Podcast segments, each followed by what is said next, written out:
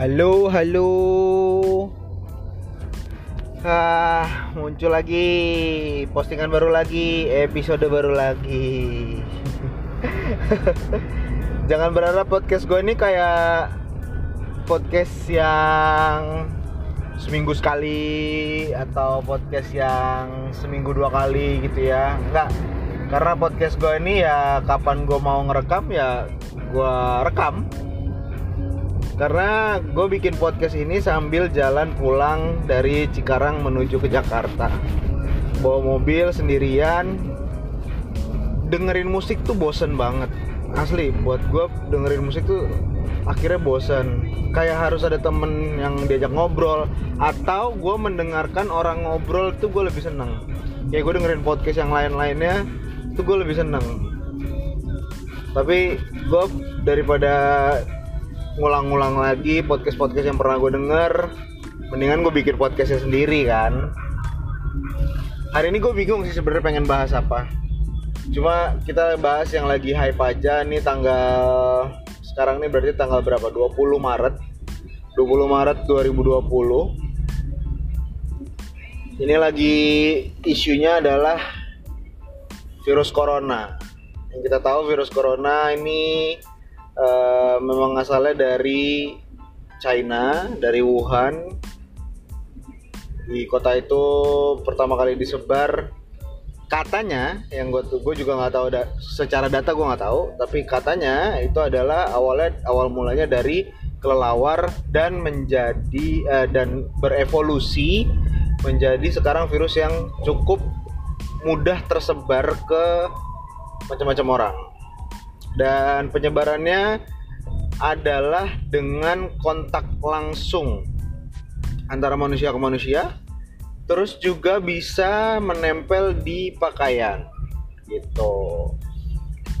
Di Jakarta di, di Jakarta sudah di uh, berlakukan work from home.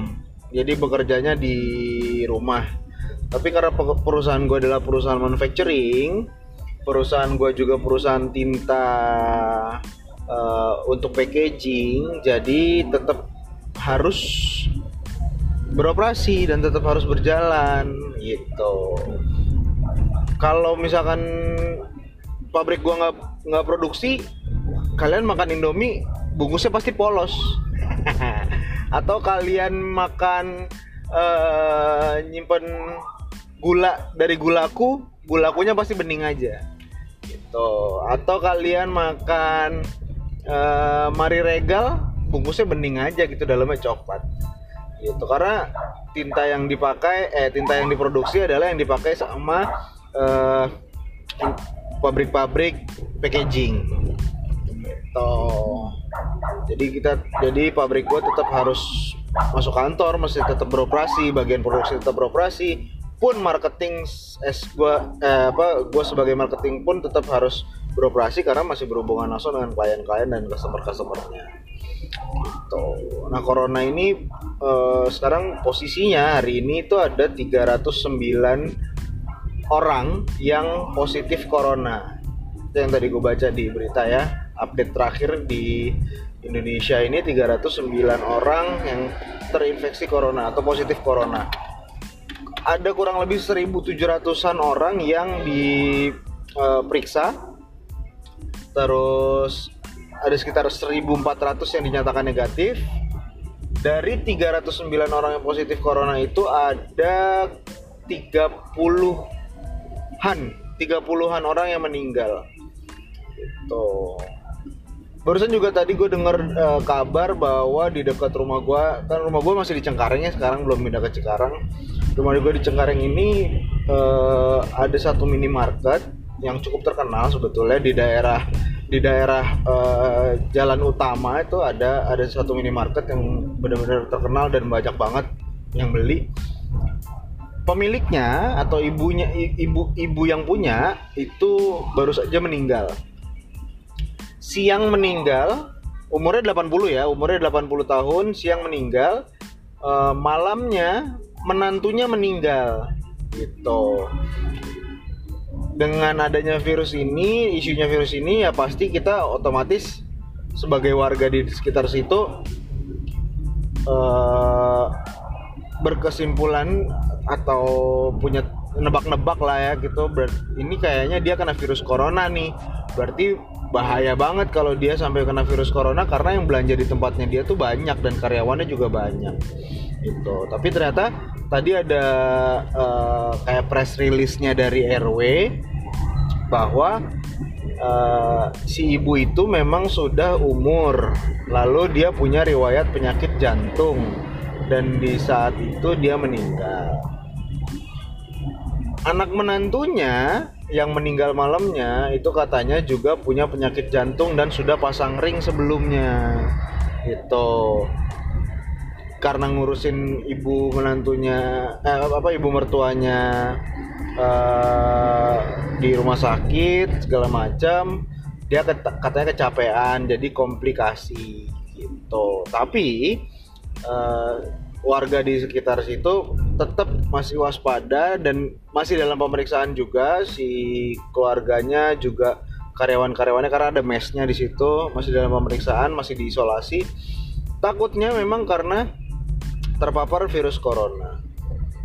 Karena yang gue tahu virus corona ini uh, untuk orang-orang yang berumur di atas 65 tahun ya di di usia-usia pensiun itu mudah sekali apalagi mudah sekali menjangkit dan bisa menyebabkan kematian apalagi kalau mereka punya riwayat sakit uh, sakit di level yang yang level 1 ya. Kalau nggak salah apa sih gue nggak tahu dari, dari dalam segi kesehatan tuh levelnya level apa. Pokoknya yang jantung uh, cancer uh, stroke darah eh, apa hipertensi itu bisa cepet untuk uh, memati apa virus itu bekerja dan menyebabkan kematian.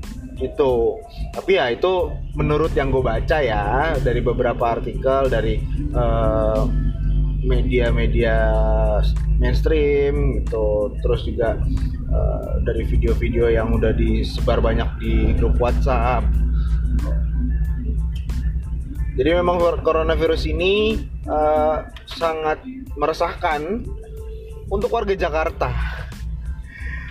Meresahkan warga Jakarta. Kenapa gue bilang hanya meresahkan warga Jakarta? Karena warga Bekasi dan warga Cikarang ini masih aktif bekerja. Sekarang posisi gue lagi jalan pulang dari Cikarang sampai ke Cengkareng perjalanannya untuk bawa mobil aja cuma 20 sampai 30 km per jam di jalan tol. Di jalan tol, literal di jalan tol. 20 sampai 30 km per jam. Dari hari Senin kemarin, uh, karena ini hari Jumat, dari hari Senin kemarin gue udah bawa mobil. Paling perjalanan pulang gue kurang lebih satu setengah jam dari Cikarang ke Cengkareng. Tapi ini udah udah hampir sejam gue baru nyampe dari Cikarang ini gue baru nyampe daerah Bekasi Timur yang di mana gue masih butuh waktu perjalanan 14 km plus 10 kilometeran lebih lah gitu ya. Yang gue nggak tahu posisi di Jakarta nya rame atau enggak tapi yang gue tahu posisi di Jakarta tol dalam kota tuh uh, sepi. Gitu. Buat yang dengerin ini um, yang ngerasa sama juga lagi dalam perjalanan uh, boleh loh komen-komen di Instagram gua di eh bukan di Instagram gua di di Instagram podcast ini ya at Yakots Podcast. Kemarin gue udah cerita tentang Yakots Podcast tuh asal mula kata Yakots tuh dari mana. Jadi gue langsung sedikit aja. Yakots ini adalah dari idola gue Richard Insen di mana diberikannya ketika gue lagi bercandaan sama dia di lapangan basket Bulungan. Gue inget banget itu. Gue lagi bercandain tentang ashab kilap itu bahasa balik oke balik lagi ke virus corona. Gue agak tertarik dengan uh, postingan temen gue di pekerjaan sebelumnya atau di temen gue yang pernah uh, bikin podcast bareng sama gue di episode gue yang pertama nih Kelis namanya. Dia sangat mempercayai banyak konspirasi di dunia ini dari elit global. Dia sangat mempercayai uh, bahwa banyak permainan di ya di, di di dunia gitu ya. Bahwa terus juga dia juga percaya sama masih percaya sama flat earth gitu gue tidak bilang itu salah karena banyak sekali konspirasi yang kalau kita pikir iya juga ya iya juga ya gitu. Gue sangat tertarik sama postingannya dia karena tadi dia bilang uh, virus corona ini sudah di prediksi atau diceritakan di film tahun 2015 gue lupa nama filmnya apa depannya C uh, kata dia dan memang di akhir film itu ketahuan bahwa virus ini asal mulanya adalah dari kelelawar which is itu persis banget sama uh, virus corona yang terjadi sekarang gitu. Gue belum nonton filmnya juga. Gue masih penasaran sih pengen nonton filmnya. Nanti kalau gue udah nonton gue bisa ceritain di sini juga. Dan ada lagi konspirasi yang uh, gue cari juga tadi di film Simpson uh, bukan film serial Simpson kartun Simpsons The Simpsons di mana kita juga udah tahu The Simpsons itu banyak banget uh, prediksi-prediksinya atau cerita-cerita yang bisa terjadi di tahun-tahun berikutnya gitu.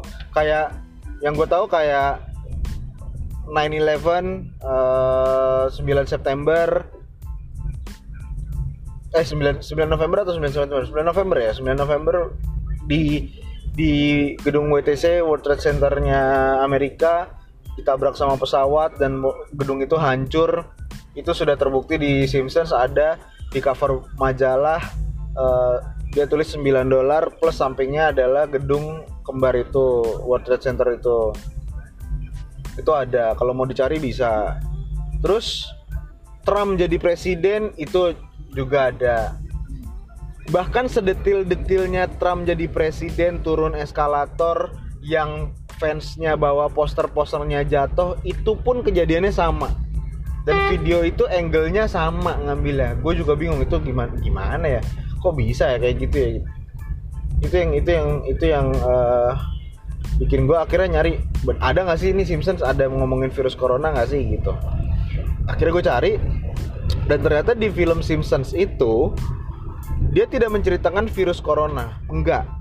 Tapi dia menceritakan bahwa akan ada virus yang menyebar satu kota dan kota itu harus di lock, kota itu harus dikunci dengan gelembung, di mana dengan gelembung itu burung-burung, terus uh, pokoknya dunia luar selain kota itu nggak bisa masuk dan kota itu benar-benar diisolasi karena di luarnya sudah terpapar eh karena di dalamnya sudah terpapar virus dan tidak boleh ada yang keluar. Tapi akhirnya ada yang keluar dari tempat itu dan lama-lama gelembung itu berkurang habis terus akhirnya wabah itu menyebar di eh, kota-kota yang lain gitu. Gue juga belum nonton sampai habis uh, belum nonton khusus hanya gue uh, nonton tentang highlight highlight dari orang-orang yang merasa itu adalah sebuah konspirasi. Tapi gue masih belum belum nontonin fullnya ya. Nanti gue akan cari di rumah. Nah itu yang kedua. Bukti yang uh, bukan bukti. Apa uh, data yang kedua yang gue cari tadi. Data yang ketiga adalah data yang ketiga adalah tadi gue nonton filmnya eh film videonya Bill Gates Bill Gates ini lagi memberikan presentasi, entah presentasi, entah pidato, entah apa. Bill Gates di tahun 2015 juga di tahun yang sama kayaknya dengan film dengan film yang teman gue sebutin tadi si uh, si Achilles sebutin tadi depannya C gue lupa apa itu di tahun 2015 juga si Bill Gates ini ngomong bahwa ke depannya untuk perang itu tidak akan menggunakan senjata ataupun fisik ataupun nuklir. Orang banyak berinvestasi untuk perang itu dengan nuklir, dengan persenjataan gitu ya. Tapi ke depannya untuk perang itu akan dilakukan, eh akan diserang dengan uh, binatang yang kecil atau atau pandemik virus tapi dia tidak ngomong itu virusnya apa dia uh, dan dia udah ngomong dia udah ngomong itu dan dia udah tahu bahwa akan terjadi gitu ya. Dan ternyata di caption gue gue nonton eh gue nonton ya gue nontonnya di Instagramnya at scary journal. Scary journal. Gue nonton di situ dan di captionnya adalah bahwa anak buahnya Bill Gates anak buahnya Bill Gates itu pernah datang ke Wuhan. Karena di Wuhan ini ada laboratorium uh, khusus untuk virus-virus gitu deh. Gue juga gue juga lupa apa datanya. Pasti yang pasti masih ada hubungannya dan katanya coronavirus ini uh, bocor gitu. Jadi jadi da mas dalam masa pembuatan untuk gue nggak tahu untuk apa dia dia tujuannya untuk apa. Tapi sebelum sebelum kejadian virus corona ini ada 1300 CEO yang levelnya sama-sama kayak Bill Gates itu mengundurkan diri menjadi CEO gitu. Gue nggak tahu apakah mereka sudah tahu bahwa akan ada kemunduran ekonomi akibat dari virus corona ini ya apakah atau apakah ada konspirasi apa lagi gue juga nggak ngerti. Apakah benar ada konspirasi elit global gue juga nggak paham. Karena ya yang paham pasti orang-orang uh, yang di sana gitu. Yang hanya yang mengerti itu. Kalaupun memang benar ada konspirasi ya wajar sih. Karena Cina di tahun-tahun ini bikin apa eh, menyatakan diri sebagai eh, pemegang pasar di dunia gitu ya. Terus lagi gontok-gontokan sama Amerika. Gitu mungkin dibuat seperti ini. Serumit itu sih gue nggak pengen gue nggak pengen nggak pengen mikirin yang bener-bener rumit gitu nggak. Tapi buat gue seru aja. Konspirasi konspirasi itu seru banget buat gue karena gue ngerasa gila ya orang bisa kepikiran kayak gitu ya gila ya orang bisa kepikiran kayak gitu. Out of the box banget gitu yang nggak akan kepikiran yang bener-bener detail yang yang orang awam atau orang banyak juga belum tentu bisa kepikiran seperti itu. Wah ini gokil sih kejadian coronavirus ini selain bikin resah masyarakat gitu kan sampai pemerintah kita pun resah bahkan sampai satu dunia pun resah gitu yang kita tahu. Sekarang uh, Eropa udah banyak yang lockdown Asia pun banyak yang lockdown. Terakhir yang gue dengar Jepang sebentar lagi mau lockdown gitu. Kemarin-kemarin kan udah Malaysia udah di Asia Tenggara Malaysia udah terus Singapura udah terus yang Korea Selatan udah dan rencananya nih Jepang mau eh, di di Asia Korea Selatan udah terus Jepang mau lockdown juga. Di mana pabrik gua itu adalah perusahaan dari Jepang juga. Kalau sampai Jepang di lockdown uh, gue nggak tahu sistemnya bakal seperti apa gitu. Tapi uh, yang gue tahu sekarang tetap untuk manufacturing tetap berjalan. Mungkin ada beberapa mungkin ada beberapa kantor yang bagian office-nya udah diliburkan gitu ya udah udah dirumahkan. Tapi kalau dari perusahaan gue belum. Cuma gue sangat sangat merasa bersyukur. Kenapa? Karena gue tidak merasa takut ketika gue ke, ke ke kantor gue walaupun walaupun sebenarnya penanganannya nggak uh, terlalu nggak terlalu gimana banget ya maksudnya nggak terlalu ketat banget untuk masalah ini. Tapi kesadaran dari setiap karyawan di pabrik gue kesadaran dari setiap staff-staff di pabrik gue bahkan dari dari level paling bawah sampai level paling atas kesadaran untuk kebersihan ini sangat-sangat tinggi. Jadi gue ngerasa gue masih aman kok. Selama gue masih pulang pergi naik mobil kan memang disarankannya seperti itu ya karena kalau yang naik motor masih bisa terpapar debu apa segala macam atau yang naik angkutan umum kan tidak disarankan karena akan berkumpul dengan banyak orang. Kalau bawa mobil masih masih mending. Puji Tuhan ya gue dikasih fasilitas mobil dari kantor. Jadi gue masih bolak-balik Jakarta Cikarang ini dengan mobil jadi masih merasa aman. Pun sampai di kantor gue masih merasa sangat-sangat merasa aman gitu. Nah yang gue sayangkan adalah dengan kejadian banyaknya eh dengan kejadian coronavirus ini wabah yang tersebar ini adalah teman-teman gue dulu di industri eh, pekerjaan gue sebelumnya industri tempat industri pariwisata ini sedang mengalami kemunduran di mana mereka harus tutup tidak ada customer yang datang ya sudah pasti karena pasti pada takut untuk ke mana-mana kan karena sudah dirumahkan semua di rumah saja bahkan ada hashtagnya di rumah saja. Gak mungkin ada yang ada yang datang atau berkunjung gitu. Bahwa, bahwa terus juga makanan pada pesannya lewat uh, online lewat daring gitu lewat uh, fasilitas-fasilitas uh, yang tidak perlu keluar rumah gitu. nah yang bikin meresahkannya lagi adalah ketika tempat-tempat bermain itu tutup terus perkantoran-perkantoran yang berhubungan dengan manusia customernya langsung manusia langsung gitu ya itu tutup sudah pasti omsetnya berkurang sudah pasti pemasukannya berkurang. Sudah pasti operasionalnya tetap berjalan tapi uh, pemasukannya nggak ada. Di tempat gue yang lama karena gue masih ada di grup uh, di grup teman-teman gue juga di tempat gue yang lama sudah merasakan pengurangan bahasanya penangguhan bahasanya penangguhan gaji dipotong dipotong 10%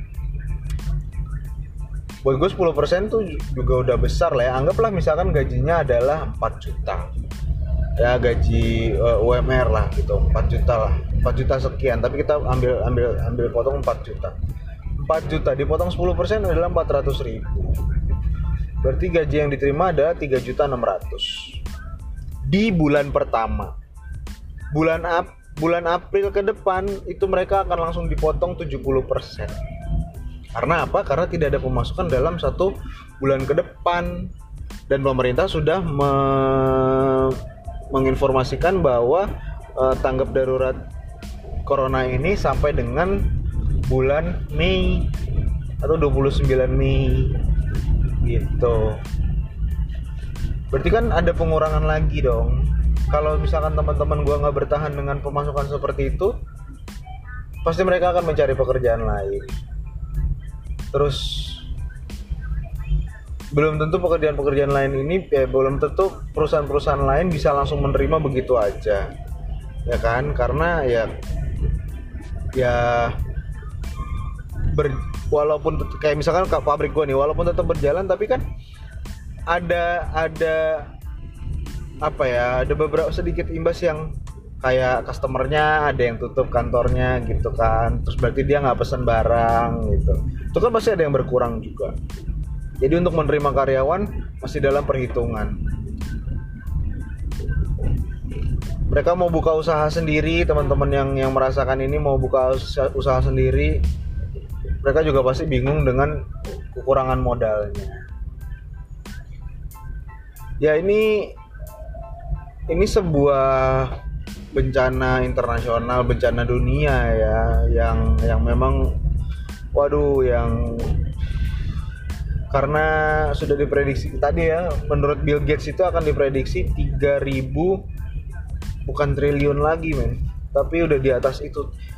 Pokoknya nolnya itu ada 1 2 3 4 5 6 7 8 8 3 titik nolnya ada eh 3 titik nolnya ada 8 kali 3 itu berapa lah itu? Gua nggak tahu. Itu yang akan menjadi kerugian dunia. Satu dunia rugi. Gila nggak tuh? Saat ini mau minta tolong mau minta tolong sama siapa coba? Yang pasti cuma bisa diminta tolong adalah Tuhan. Allah. Yang di mana dia pemilik kehidupan ini hanya mujizat Tuhan yang bisa uh, membuat semua keadaan ini baik berdoa udah paling bener deh selain mengikuti semua arahan dari bagian kesehatan, semua arahan dokter, semua arahan para medis, kita harus tetap berdoa. Kalau semua umat walaupun berbeda agama berdoanya sama supaya uh, corona ini hilang corona ini tiba-tiba nggak ada pasti. Gue juga bisa gue bisa jamin pasti. Kenapa gue bisa jamin? Tadi gue dapat da, tadi gue habis jadi gue mau pindah rumah di Cikarang terus gue dapat ngobrol lah sama RT RT-nya nih asik lah umurnya paling masih sekitar 40-an mau hampir 50-an lah. RT-nya asik diajak ngobrol juga asik dia cerita lah banyak tentang kehidupannya dia.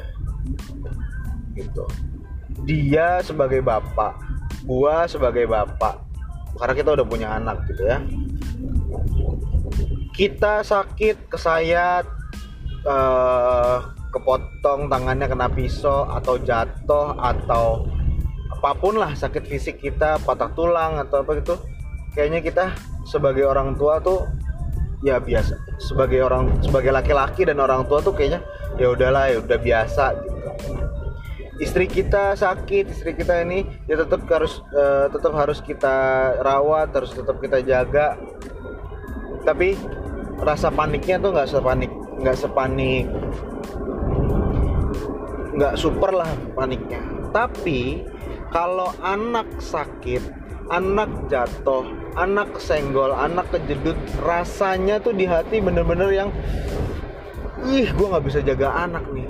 Wah pokoknya untuk anak tuh harus bener-bener deh gitu.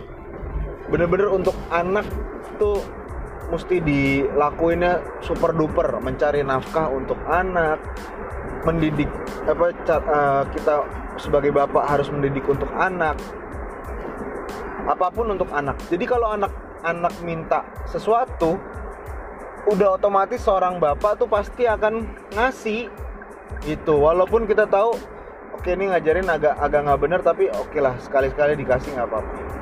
Pasti akan ngasih dan ngasihnya pasti yang terbaik. Karena udah udah penuh dengan pertimbangan udah penuh dengan uh, semua yang kita tahu gitu. Prinsipnya sama kayak kita ngerasain sesuatu nih sekarang diserang sama coronavirus Terus kita berdoa bareng-bareng satu dunia. Bukan satu negara lagi, bukan satu komplek lagi. Satu dunia berdoa yang sama meminta untuk coronavirus ini hilang. Bahkan kalau kita ambil ambil ekstrimnya deh, kalau podcast ini nggak nyampe di luar negeri juga di Indonesia aja deh gitu. Di Indonesia kita berdoa deh yang sama.